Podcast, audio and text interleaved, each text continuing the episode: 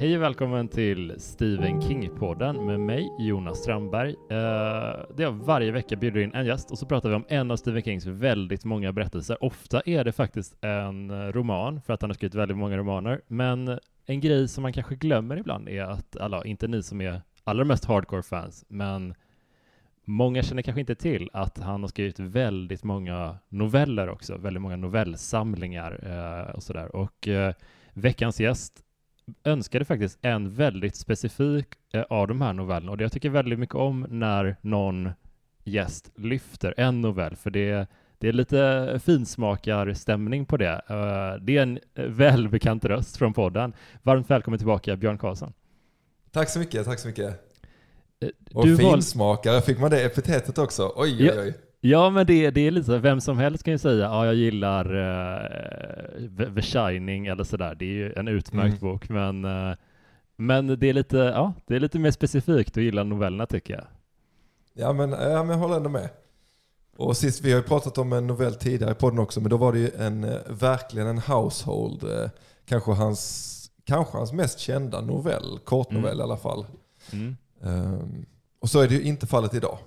Nej, men precis. Det, för mig är lite hans Kings novellsamlingar typisk sommarläsning, typ sådär, för att man har, eh, ja men, man har lite begränsat attention span, för man är lite slöare på sommaren helt enkelt. Uh, så, så det, det, är ganska perfekt att ha med sig en, en så här god pocketutgåva av så här Skeleton Crew eller Night Shift eller sådär. Det, ja, det, det är nästan det enda man behöver på semestern. ja, absolut. Men du valde ju en novell från uh, Night Shift just, uh, Last Rung on the Ladder. Uh, vill du berätta lite varför du valde just den först, innan vi introducerar lyssnarna till den novellen lite närmare? Jo, men jag tänker att uh, jag tycker att hans noveller är väldigt, uh, alltså de är ganska skiftande i kvalitet, tycker jag ändå. Tycker att Night Shift är Eh, en stark samling noveller. Där finns många liksom guldkorn. Men jag minns att när jag läste den här första gången att den liksom... Först och främst så lyckades jag inte lista ut slutet. Eh, vilket jag ibland tycker att han är, att han är alldeles för uppenbar med. Där är, det är väl i den här, i Night Shift också som det finns eh, um, jag, nu kommer jag inte ihåg, du får hjälpa mig, jag kommer inte ihåg vad han heter, men den här med en man som har köpt blommor precis och vandrar längs stan och så hör han på någon radio att eh, en mördare springer lös typ. Just det, The Man Who Loved Flowers tror jag. Ja, så kan det säkert vara. Något sånt. Mm. Eh, där, jag, där jag tyckte att man så här, men den är, den är liksom arketypen av en novell där man läser tre meningar och sen bara tänker, aha, det är så det är. Eh, och den här i efterhand tänker jag att den här kanske borde känts så. Men den gjorde verkligen inte det för mig. Och den, liksom, den här lyckades, trots att den var så kort, lyckades den verkligen liksom... Alltså man blev känslomässigt investerad i den. Och eh, jag satt liksom med det här magsuget eh, igenom den. Som, var, som är ganska ovanligt för mig när jag läser noveller. Jag är inte någon liksom novellfantast. Jag tycker inte att det är det roligaste. Eh, jag tycker inte det är där han gör sig bäst oftast. Men så kände jag bara att den här, fan den här funkade. Den här kändes verkligen som eh, att den väckte de känslorna i mig som han förmodligen hade för avsikt. Ja, men jag förstår hur du menar med den här och även hur du menar med att novellerna skiftar mycket i kvalitet. För att min tanke kring Eh, ja, men kanske generellt noveller, men specifikt typ skräck eller spänningsnoveller är att de, de hänger så otroligt mycket på en enskild idé, hur väl eh, idén bär genom historien. Typ, liksom. det, om man kollar på till exempel eh, en, en roman som, ja, vi kan ta The Stand, Pestens tid till exempel, den, den häng, hänger ju också på en idé. Liksom, tänk om en Eh, pandemi utrotar 99 procent av jordens befolkning. Det är en mm. idé, men i, den, i och med att det är en roman så, så finns det mycket mer svängrum och utrymme. Man kan bygga karaktärer, vilket de Exakt. också gör. Och sådär. Det finns mycket andra saker, men i en novell, den är lite mer utrymmesmässigt lite svårt att, att använda andra verktyg. Så idén är jätteviktig i, i noveller, särskilt i Kings noveller tycker jag. Ja, jag tycker verkligen du sätter alltså verkligen fingret på det absolut viktigaste där. att Det kan ju vara att Kings böcker ibland att premissen, alltså det har vi också pratat om tidigare, liksom att eh, premissen eller hur saker knyts ihop kanske inte alltid är det som är absolut mest imponerande. Men när han får tid på sig att bygga världar, bygga karaktärer, få dem att interagera med varandra. Det är ju då man fastnar. Det är ju det som är det stora. Och det hinner man inte som du, som du är inne på i en novell. Eh, därför sätter det så otroligt liksom, stor press på, på det övriga. Men verkligen. Uh, vi kan presentera den här novellen lite grann för uh, våra lyssnare. Jag tänker att den går till en början, om vi ska vara lite så konsumentupplysande, så uh, heter den på svenska Sista pinnen på stegen. den går mm. som vi sa att hitta i novellsamlingen Night Shift som på svenska heter Dödsbädden. Släpptes 1978 första gången. Precis, och, och har man den uppdelade varianten så är den i den halvan som är släppt som Majsens barn. Ah, och, snyggt. Och inte den som är släppt som Jerusalems lott eller något sånt där. Just det. ja, det, är lite, det kan vara lite förvirrande ibland att navigera i hans uh, novellsamlingar faktiskt. Ja, men i dödsbädden så hittar du den garanterat. Precis, och uh, Night Shift är Kings allra första novellsamling. Uh, flera av novellerna har tidigare publicerats i tidningar som eh, Cavalier, uh, Penthouse, Cosmopolitan, men uh, Last Rung on the Ladder, som vi ska prata om idag, den var en av de fyra eller fem tror jag, som publicerades för, för allra första gången i just Night Shift. Så den har aldrig publicerats tidigare. Uh, så det känns lite exklusivt tycker jag. Jag tror att Jerusalems lott är en av de andra också. Mm. Mm. Den, den utspelar sig i Hemmingford Home, eh, som eh, trogna lyssnare känner, säkert igen som Mother Abigails eh, hemort i Pestens tid. Men eh, Hemmingford Home förekommer även i eh, ska se här, Children of the Corn 1922 och Cell i olika utsträckning, som en liten perifer ort i alla fall. Det är väl grannorten till eh, Gatlin med eh, alla tråkigheter som vi pratade om förra gången i novellsamtalet. Exakt så, uh, snyggt. Uh, ja men det, det, det är kul. Kings, Kings alternativa Amerika är trevligt att, att följa faktiskt. Um, Verkligen, och det är ju, men det där med att knyta ihop, alltså det måste ju, det måste nästan bli ett avsnitt i sig någon gång det här med multiverse-tanken liksom. Och jag har ju precis läst, eh, spoiler för framtiden kanske, men när vet vi inte, men jag har ju precis läst eh, eh, Needful Things. Mm. Och eh, där är det ju strösslat med liksom eh, karaktärer och platser från andra King-böcker. Gud, på ja ett, det, är, det är kul. På ett sätt som verkligen eh, man liksom sitter och myser åt när man känner till de här eh, historierna. Fan vad kul, jag, jag, jag älskar sånt. Jag, jag, har fastnat på senare tid för, för just Castle Rock-berättelserna och den mm. världen på något sätt. Jag läste ny, eller liksom är mitt i just, just nu i Gwendys Button Box, den här kortromanen eller långnovellen säga, som King skrev mm. med Richard Chismar, tror jag han heter. Uh, den utspelar sig i Castle Rock på 70-talet också, så att det, ja, men det, det, det är en härlig, en härlig plats för, för där otäcka saker händer, vanliga människor. Verkligen. Uh, men vill du uh, presentera lite, alltså premissen för novellen idag? Ja, men premissen är väl egentligen att man får följa två barn som är uppväxta på landet och eh, när deras föräldrar inte ser på så har de en eh, lek som de eh, ägnar sig åt i familjens enorma lada får man nog säga. Alltså jag, jag försökte liksom lite luska men eh, att det skulle vara liksom 20-30 eh, meter i tak där inne. Mm. Kan det verkligen stämma? Det låter otroligt stort men ja, så ja, det. det. känns som en helt enorm äh, bondgård de bor på verkligen. ja, det, det, måste det verkligen vara alltså. Eh, men då så har de ju då eh, ett sånt här hö, eh, alltså en höloft kallas det väl inte om det är nere på marken. Jag vet inte fan. Där är en massa hö och så vidare mm. där. Höstackar som det. det heter. Eh, och då ägnar de sig åt att klättra upp eh, på takbjälkarna Eh, i den här enorma, enorma ladan och sen turas om att hoppa ner i höstacken. Och eh, Eh, sen så får man då parallellt följa historien eh, om dem som vuxna kan man säga. Och hur Mm. de knyter an till varandra. Jag vet inte hur mycket man ska säga redan nu. Eh, nej men vi kan ju, vi kan ju tisa lite att det, det, det händer eh, en eh, ganska läskig grej i ladan eh, som sen Mm. får eh, konsekvenser för eh, deras liv som vuxna. Vi kan gå in Verkligen. på lite mer specifikt i, i spoiler-sektionen alldeles strax, men så mycket kan man ju berätta tycker jag. Ja, absolut. Men jag, Eh, jag, nej. jag kände igen mig jättemycket i den här, uh, gillar verkligen när King låter berättelser utspela sig på vischan sådär. Han, han är ju mycket för uh, småstäder, småorter, men personligen, Mm. alltså när, i och med att jag kommer från en liten håla som verkligen är med mycket bondgårdar och sådär runt omkring, kände verkligen Ja. igen den här, det finns fan ingenting att, att göra här.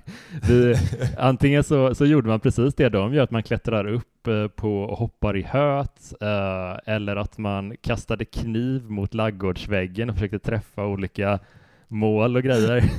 Ja, ja. ja men sådana grejer, det var liksom eh, bönder som har tråkigt. Det, det kan man Ja, ja. identifiera sig med. Ja, Jag kommer inte från någon storstads, eh, alltså en barndom i storstan på något sätt. Så att det är absolut att man kan relatera. Så vi är inte så, så mycket ute och hängde på bondgårdar, men det var ju fortfarande det här väldigt liksom, ja, småorts... Eh, kan man klättra på den här? Kan man hoppa här? Kan man liksom, det, var, det var det som var man klättrade på olika saker när man var liten. Helvete vad man klättrade på saker ja. Och hoppade från saker och liksom... Ja. Det finns en... Jag kommer ihåg eh, en sommar, vi, en sommar som vi, vi har en sån badplats där jag växte upp. Ett sånt Mm. stenbrott liksom, som det är ganska höga bergssidor ner i en, blir som en sjö. Eh, där jag och en kompis bara en sommar gick, vi bara spenderade sommaren med att gå runt det här stenbrottet och sa, kan man hoppa här? Ja det kunde man. Och sen så, om du håller undan det här trädet, kan inte jag hoppa här då? Åh Jo, helvete. jo det kunde man. Och så bara så, ja, vi bara hoppar från saker. Ja, ja. Alltså jag älskar när det är saker som bara har växt fram och som inte är så här, ja men kommunalt uppstyrda och mycket eh, plast, alltså rundade kanter på all, alltså man inte kan skada sig någonstans utan Nej, nej. Det enda det var var liksom bara skyltar med rasrisk, och badförbud och sånt liksom. alltså Jag har jag, också tän- varit där i vuxen. Ja, förlåt. Nej, jag tänkte på en, det finns en sjö ganska nära där vi växte upp som heter Helsjön som är en sån uh, kurortssjö eh, historiskt sett liksom, väldigt fint vatten och jätte, jättedjupt verkligen. Men så Mm. kan man liksom, den är omgiven av nästan på alla sidor av, av hö, ganska höga berg. Så, eh, alltså, men det, det är lite svårt om man vill liksom, ge, om man, när man börjar bli tonåring typ, om man vill liksom hoppa och leka sådär. Det var liksom inte den roligaste stranden att bada på då, så vi började liksom klättra upp i berget sådär på olika ställen. Och så var det någon som hade knutit fast ett rep, liksom, ja men så här fem meter ovanför vattenytan liksom, så stack det liksom ut, vi klättrade upp ett berg och då stack det ut en tjock gren från ett träd där. Eh, den knöt någon fast ett rep i som vi sen svingade oss ut och, och man var tvungen att Åh. släppa det i tid för annars så flög man tillbaka in i bergväggen. Så, så Alltså, när, underbart. ja, det är 100% livsfarligt men väldigt, väldigt roligt. Ja, ja. Alltså jag kan också, när jag är där ute, det stenbrottet finns ju kvar. Jag brukar försöka bada där någon gång om året liksom. Eh, och jag kan gå runt där nu och så tänker jag så här, liksom, rent kognitivt så vet jag så här, här har vi hoppat. Alltså det här, här vet jag att vi sprang och hoppade. Mm. Och nu så bara när man tittar på det så alltså man kan inte förstå att man ens fick tanken. Alltså det är, det är fullständigt livsfarligt liksom. Fan vad man blir. Men du, du har ju barn också, men, men du kanske känner det på ett annat sätt. Men, men jag känner att jag, jag är 35 nu, jag har blivit så här lite skrajare för typ höjder och sådana grejer när jag blir Ja, ja, äldre. 100 procent. Ja, ja, ja. Börjar må illa i berg och och sånt. Skriker fast av panik. ja. Jo men absolut. Eh, konsekvenstänket har ju, har ju utvecklats, det får man ju ge sig själv. men eh, men så, så, så vi båda kan känna igen oss väldigt mycket i den här eh, väldigt vardagliga mm, naturalistiska King-novellen helt enkelt. Liksom. Jag, Mm. jag, tyckte den var väldigt intressant att läsa för att eh, du har ju nämnt den här som en av dina absoluta favoriter tidigare och jag tyckte det var väldigt kul att ha det i huvudet när jag läste den. att du tyckte väldigt mycket om den för att det, det, den kändes inte klassiskt King på det på något sätt riktigt. Det, Nej. Det är inte det här storslagna, det är inte, det är inte de här stora äventyren eh, sådär. Det är inget övernaturligt kan vi väl spoila, typ. Nej, precis. Och de har ju, alltså egentligen så båda karaktärerna, om det här skulle varit en roman, då Mm. hade nog båda karaktärerna haft ett jävla äventyr. Mm. Alltså i sina respektive liv. Mm. Men det är helt ointressant på något sätt i berättelsen. Det är liksom verkligen det lilla som, som betyder något här. Ja, för att vi kan, eh, man kan ju liksom säga liksom att strukturen på den är att en väldigt stor andel av berättelsen utspelar sig under det här liksom, eh, sommaräventyret när de hoppar i, hö, i höet. Liksom. Det, det är Mm. ganska väldigt an, stor andel. Och sen så snabbspolar de liksom lite framåt i tiden och eh, det känns inte lika relevant. Deras eh, vux, vuxenlivet känns inte lika spännande, eller liksom eh, på något sätt. Nej. Men vi kan, vi kan spoila känner jag, för att eh, det, är en ganska kort novell. Det finns inte... eh, ja, den, den går snabbt att läsa om man vill hänga Ja, med i hela avsnittet. Läs den innan man lyssnar helt enkelt. Det tar inte många minuter. Nej, eh, men eh, anle- anledningen till att den heter Last Rung on the Ladder är att de är mitt i det här, de här syskonen de håller på och leker, hoppar i höet och så klättrar systern Kitty, hon klättrar upp och när hon är högst upp på stegen nästan så går den sönder Mm. och hon håller sig kvar i den översta stegpinnen sådär och hänger liksom en bra bit ovanför marken och eh, riskerar att alltså, slå ihjäl sig om hon ramlar. Ja. Och då väldigt företagsam bror, han eh, springer och samlar hö som ska dämpa hennes fall Precis. Och eh, hinner ändå göra det tillräckligt mycket för att när hon faller så, så överlever hon. Jag, jag, Ja, satt, han- jag, jag tyckte verkligen att den här sekvensen när man inte vet vad som ska hända med henne, den känns så fruktansvärd. Hon hade, li, alltså hon hade kunnat överleva, hon hade kunnat dö. Eh, jag kände liksom att det hade kunnat gå åt båda hållen, 100 procent. Ja, verkligen. Och när, de, när han beskriver hur de klättrar upp liksom. Att, att, jag vet inte, men det blir en sån svindlande känsla. Att så här, jag kände verkligen ja, men typ det här suget i magen. Liksom. Alltså han, han framställer det på ett väldigt snyggt sätt. Att så här, shit, det här är högt. Det är liksom läskigt, det är skakigt. Och som du säger, just för att, där tror jag att, att det är en för att den har en förtjänst för att man vet att det är King. För man vet att hon skulle lika gärna kunna bara trillat och landat på huvudet och dött. Och sen hade det varit liksom gjorts en poäng av det. Och man, alltså, Mm. jag tänker på, eh, på öppningen i, i Mr. Mercedes när man bara så här lär känna en karaktär som man tänker så här, ah den här boken kommer att handla om detta. Men, man, men han bara så här, okej fuck you. Mm. Alltså, liksom bara vill, vill skapa en känsla och det hade han ju lika gärna kunnat göra här. Att, att, han bara, att hon var ett verktyg för att man skulle verkligen senare känna med broren på något sätt. Mm. Eh, så man sitter ju på helspänn. Ja, för, för det verktyget som du nämnde där har han ju använt i It lite grann i alla fall. I början när Georgie eh, är ute och leker och blir Ja. eh, tagen av Pennywise. Så det, det är ju liksom den här syskonskuldkänslan, liksom, även om man inte, det inte är någons fel så, så är det någonting som man verkligen kan identifiera sig med. Mm. Men eh, hon klarar sig i alla fall och eh, livet går vidare och syskonen de lever helt olika liv liksom. De skiljs åt och eh, eh, vad tänkte du om det här tidshoppet som, som vi gör? Eh, men det tycker jag eh, liksom, det behövs ju i den, eh, alltså den korta, det korta utrymmet han ger sig själv. Så behöver man ju göra det för att få fram, liksom, komma till slutet.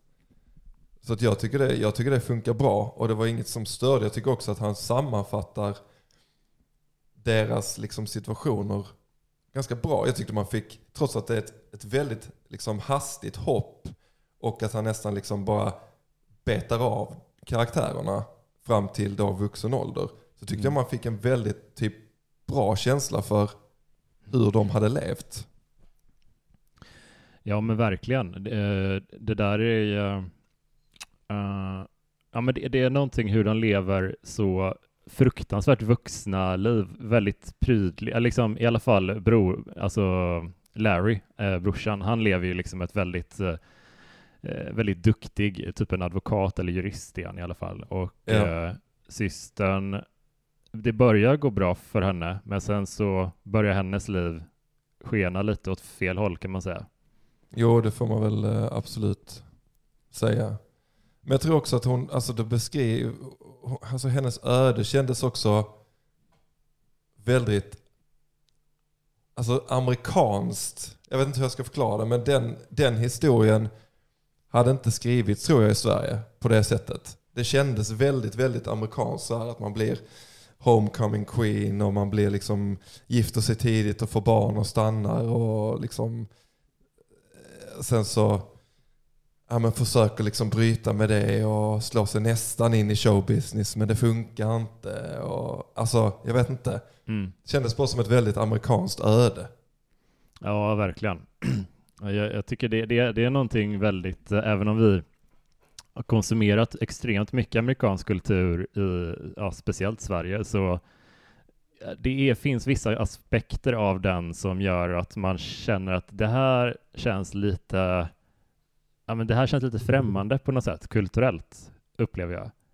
Absolut. Det här, den här möjligheten till, till att, uh, att det kan gå så jävla mycket åt helvete från ursprungspunkten. Det är klart att jag fattar ju liksom att vem som helst kan teoretiskt bli hemlös, vem, så det kan gå åt helvete för vem som helst. Det, det är liksom inget, det finns inga garantier någonstans, men det, det känns som att det är många fler sådana drastiska livsöden i i USA på något sätt. I alla fall i den kulturen man konsumerar. Ja, nej verkligen. Men hennes Men, öde blir ju, blir ju tråkigt i slutändan. Mm, mm. Ja, alltså hon, eh, hon börjar liksom, eh, ska vi se här, jag ska bara ta lite anteckningar. Ja, eh, hon försöker kontakta sin brorsa och vill att de ska träffas, liksom återknyta kontakten så de har glidit ifrån varandra under liksom väldigt många år. Ja. Uh, och verkligen räcker ut en hand. Han svarar inte och han, uh, han känner inte att han har tid typ. Nej men det känns som att han liksom, det är nog inte så, alltså det känns inte som att han har något emot henne eller vill ta avstånd men det känns verkligen som att han är så uppe i sitt att han prioriterar inte det. Nej. Och bara så här, ja, ja, jag, jag, ska svara på det där. Och sen så bara kommer livet emellan hela tiden liksom. Mm, mm. Um, Ja, men jag, jag, kan verkligen fatta det också för att uh, det är inte som att uh, det är någonting med syskon. Har du syskon? Yes, jag har lillebror. För, för jag, jag har tre yngre syskon och uh, vi har liksom bra kontakt nu och sådär, men jag, jag kan verkligen, det har verkligen funnits perioder i livet där man, särskilt när man flyttade hemifrån och började liksom leva sina liv, där man inte var en lika självklar del av varandras familj, eller vad man ska säga det är klart att vi har aldrig haft det pissigt liksom så sinsemellan, men eh, man börjar gå åt sitt, sitt håll liksom. På något mm. sätt. Och då blir det inte som att eh, ja, syskonen lever kanske ett annan, en annan typ av liv eh, och eh, väldigt extremt annorlunda i det här fallet. Och eh, ja, det, det, hoppet till dem känns lite längre på något sätt kanske. Ja, och här de, eh, de här liksom Ja, här blir det verkligen att de går åt helt olika håll. Mm. Eh, utan att, det, det, och det tänker jag också lite som att han använder det greppet också i It på något sätt. Det här att när de är, när de är små eh, och, och första delen är slut så bara går alla åt olika håll. De tycker egentligen jättemycket om varandra, de vill säkert vara med varandra. Mm. Men det är bara någonting som gör att de inte, det blir inte så. Alltså Nej. det är ingen ovilja liksom. Och så känner jag här också på något sätt. Att egentligen handlar det inte om det. Alltså, han svarar inte för att det är inte så att han gör det för att vara elak eller för att han, nej men jag skiter i henne liksom. Nej, nej. Nej men vi ser ju det ofta, det, det är någonting man ser både med sina barndomskompisar och i många av Kings övriga berättelser också som du sa, liksom Stand By Me till exempel, samma grej där. Mm. Uh, så att det är ju extremt trovärdigt uh, på något sätt. Men hur, det, det kommer till slut ett, ett, ett, eh, hon ger det ett sista, hon skickar ett sista brev till, till sin brorsa uh, Kitty. Vad, vad kände du liksom när, den, när det avslöjandet kom i det sista brevet där? Alltså det, um, menar du det som, som inte hade kommit fram för att han hade flyttat eller när han får reda på uh, allting i slutet typ? Uh, ja, jag tänker mest på det uh, liksom i slutet där. Ja, men då... jag vet inte, det kändes... det kändes, det var det, jag, det var det jag menar lite, liksom, att det kändes när man har läst den så kändes det givet på något sätt att vi skulle landa här. Mm. Men ingenstans på resan så, så listade jag ut att det var där vi skulle hamna. Riktigt liksom.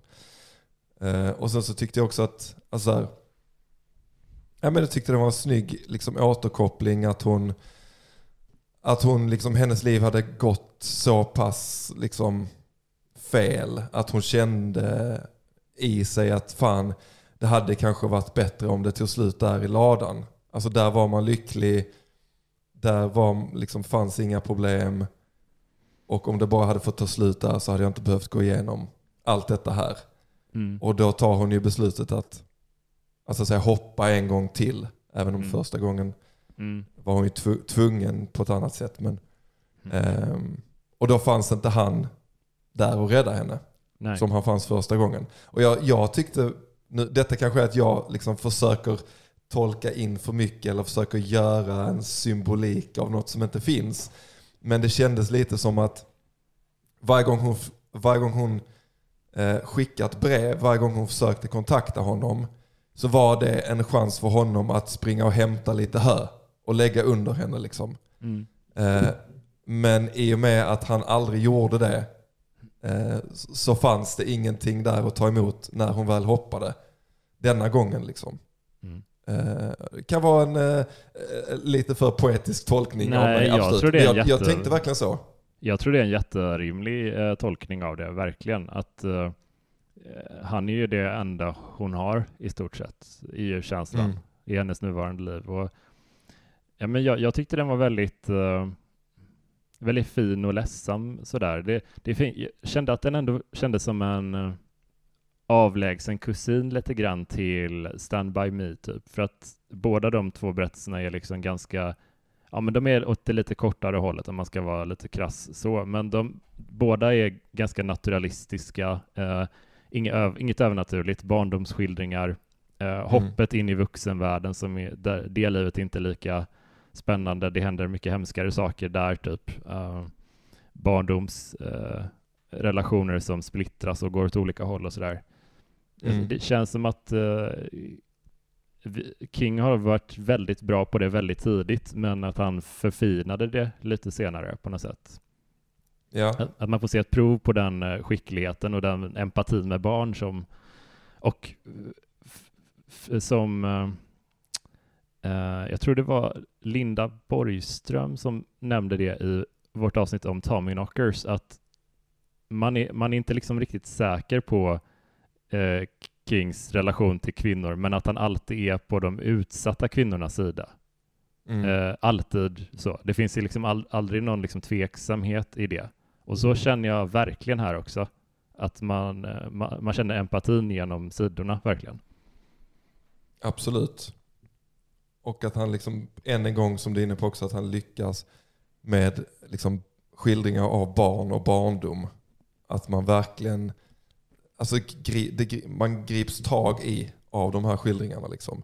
Mm. Man känner alltid med de unga karaktärerna. Och det är, ja, det är väldigt imponerande. Det finns en, jag, jag, vet inte om du har läst den, men det finns en barnbok som heter Benjamin Duva. Eh, som är, jag tror det är en isländsk författare. Men mm. den är liksom... Känner den, inte till. Den, känner du till den? Nej, jag känner inte till den. För den, eh, det, den känns lite så här, den, jag har inte läst den sedan jag var liksom typ åtta kanske. Men jag kan ändå historien ganska basic i huvudet. Det är typ ett gäng eh, barn som eh, leker riddare typ, liksom, på, på deras olika, de har olika krig sinsemellan typ. Och sen så händer det en ganska hemsk grej eh, som ja, slår samman deras tillvaro typ. Och det, den känns lite sådär jag tycker, tror inte att det är fel att läsa en viss typ av berättelse när man är ganska ung och li, eller liten. Liksom. Jag tror det, det kan göra väldigt starkt intryck på en då också. Jag, jag tror typ att vissa Kings berättelser hade jag kanske verkligen kunnat ta till mig också när man var liten. Det, det är nog det, dit jag vill komma kanske. Att, att mm. det, det är bara för att de är paketerade lite som vuxen, eh, vuxenlitteratur liksom. Men han, ja, men... han, han talar ju verkligen med barnens röst många gånger. Ja, och Stand By Me hade man ju kunnat läsa som en äventyrsbok i tonåren utan problem. Liksom. Gud ja. Alltså den hade funkat jättebra. Ja, verkligen. Uh, det, det är lite fint så att hoppa fram och tillbaka i hans bibliografi. Jag, som sagt så sitter jag med Gwendy, första Gwendy-boken nu som kom typ 2000 17 eller 19 kanske, 18, 18 någonstans mm. där. Och eh, så hoppar vi tillbaka till den här som är från 70-talet. Eh, det, det, är väldigt spännande. Man kan, man kan alltid se att, att det är hans penna på något sätt. Absolut. Vad tyckte du om, vad, hur tyckte du att den här höll som novell? Eh, jag tyckte den var jättefin, eh, verkligen. Det känns som att han använde verkligen bara det han behövde för att berätta historien. Att han han var extremt duktig på att skala ner eventuella sidospår och sådär. Jag tror inte att det hade blivit en, en särskilt, det, det kan man ju onödigt spekulera i, men jag tror att den var perfekt som novell typ. Att den, mm. Eh, den, det var liksom precis så här den skulle presenteras, eh, kände jag. Och eh, det, det, är också kul att jag sitter och kollar på eh, listan av de andra som som novellerna som finns i Night Shift och det är liksom Jerus Jerusalem slott, vampyrberättelse, vi har The Mangler, uh, Trucks, Lawnmower Man, Children of the Corn och så har vi den här jätte, alltså clean, cleana uh, barndoms uppväxtskildringen, typ coming of age-historien. Ja. Eh, den, är, den är väldigt uh, undanskuffad känner jag, i och med att den ligger liksom verkligen typ mitt i den här blandningen och inte har lyfts fram på samma sätt som många av hans andra. Uh, så jag tycker att det, Nej, är... det, det är verkligen en doldis. Och särskilt det sällskapet där liksom många har blivit film, många har blivit liksom så här ökända filmer för att de blev inte speciellt bra. Liksom. Eh, men det är ändå titlar som många, många känner igen, även om man inte är King-fantast. Den här är ju verkligen, alltså den här har ju, ska man ens ha en aning om att den här existerar så får man ju vara ganska inbiten, tror jag. Jag tycker det är kul att du eh, lyfter den här också, så att för, för jag kanske inte hade, den hade kanske inte hade ploppat upp lika snabbt i mitt huvud. Men hur, hur kände du att den höll när du, när du återbesökte den? Förlåt, jag, ja. Eh, jag måste typ eh, avrunda. Men vi kan, kan vi bara göra någon av, avrundning? Ja, absolut. Eh, men jag kan svara på det om du vill så kan vi... Ja. Att de står och väntar här utanför. Ja, men vi kan ha det som closing words till och med. Ja. Uh, ja, men som en liten avrundning av avsnittet, hur tycker du att eh, den här novellen höll när du liksom återbesökte den så här några, några år senare? Men jag tycker fortfarande, fortfarande att den håller. Den gav ju inte samma eh, det var inte samma sug i magen när man läser den nu, liksom, eftersom det inte är första gången man vet hur det går. Men jag tycker fortfarande att det är en väldigt, väldigt fin, väldigt tragisk berättelse som liksom med små medel väcker någonting i en. Så jag tycker absolut att man ska ta några minuter och läsa den. Definitivt. Uh, gör det. Plocka upp uh, den här ur Night Shift och, uh, och läs Last Rung on the Ladder. Tack så jättemycket för att du ville återvända till eh, podden Björn. Ha en, jag vet att du har väldigt många olika poddar att spela in i det också, så jag är glad att du hann med Stephen King-podden. Det är alltid fint att ha med dig. Absolut. Och tack för att du har lyssnat på den här, eh, det här avsnittet. Hoppa gärna in i Facebookgruppen och eh, kom med dina tankar och åsikter så hörs vi snart igen. Hej då!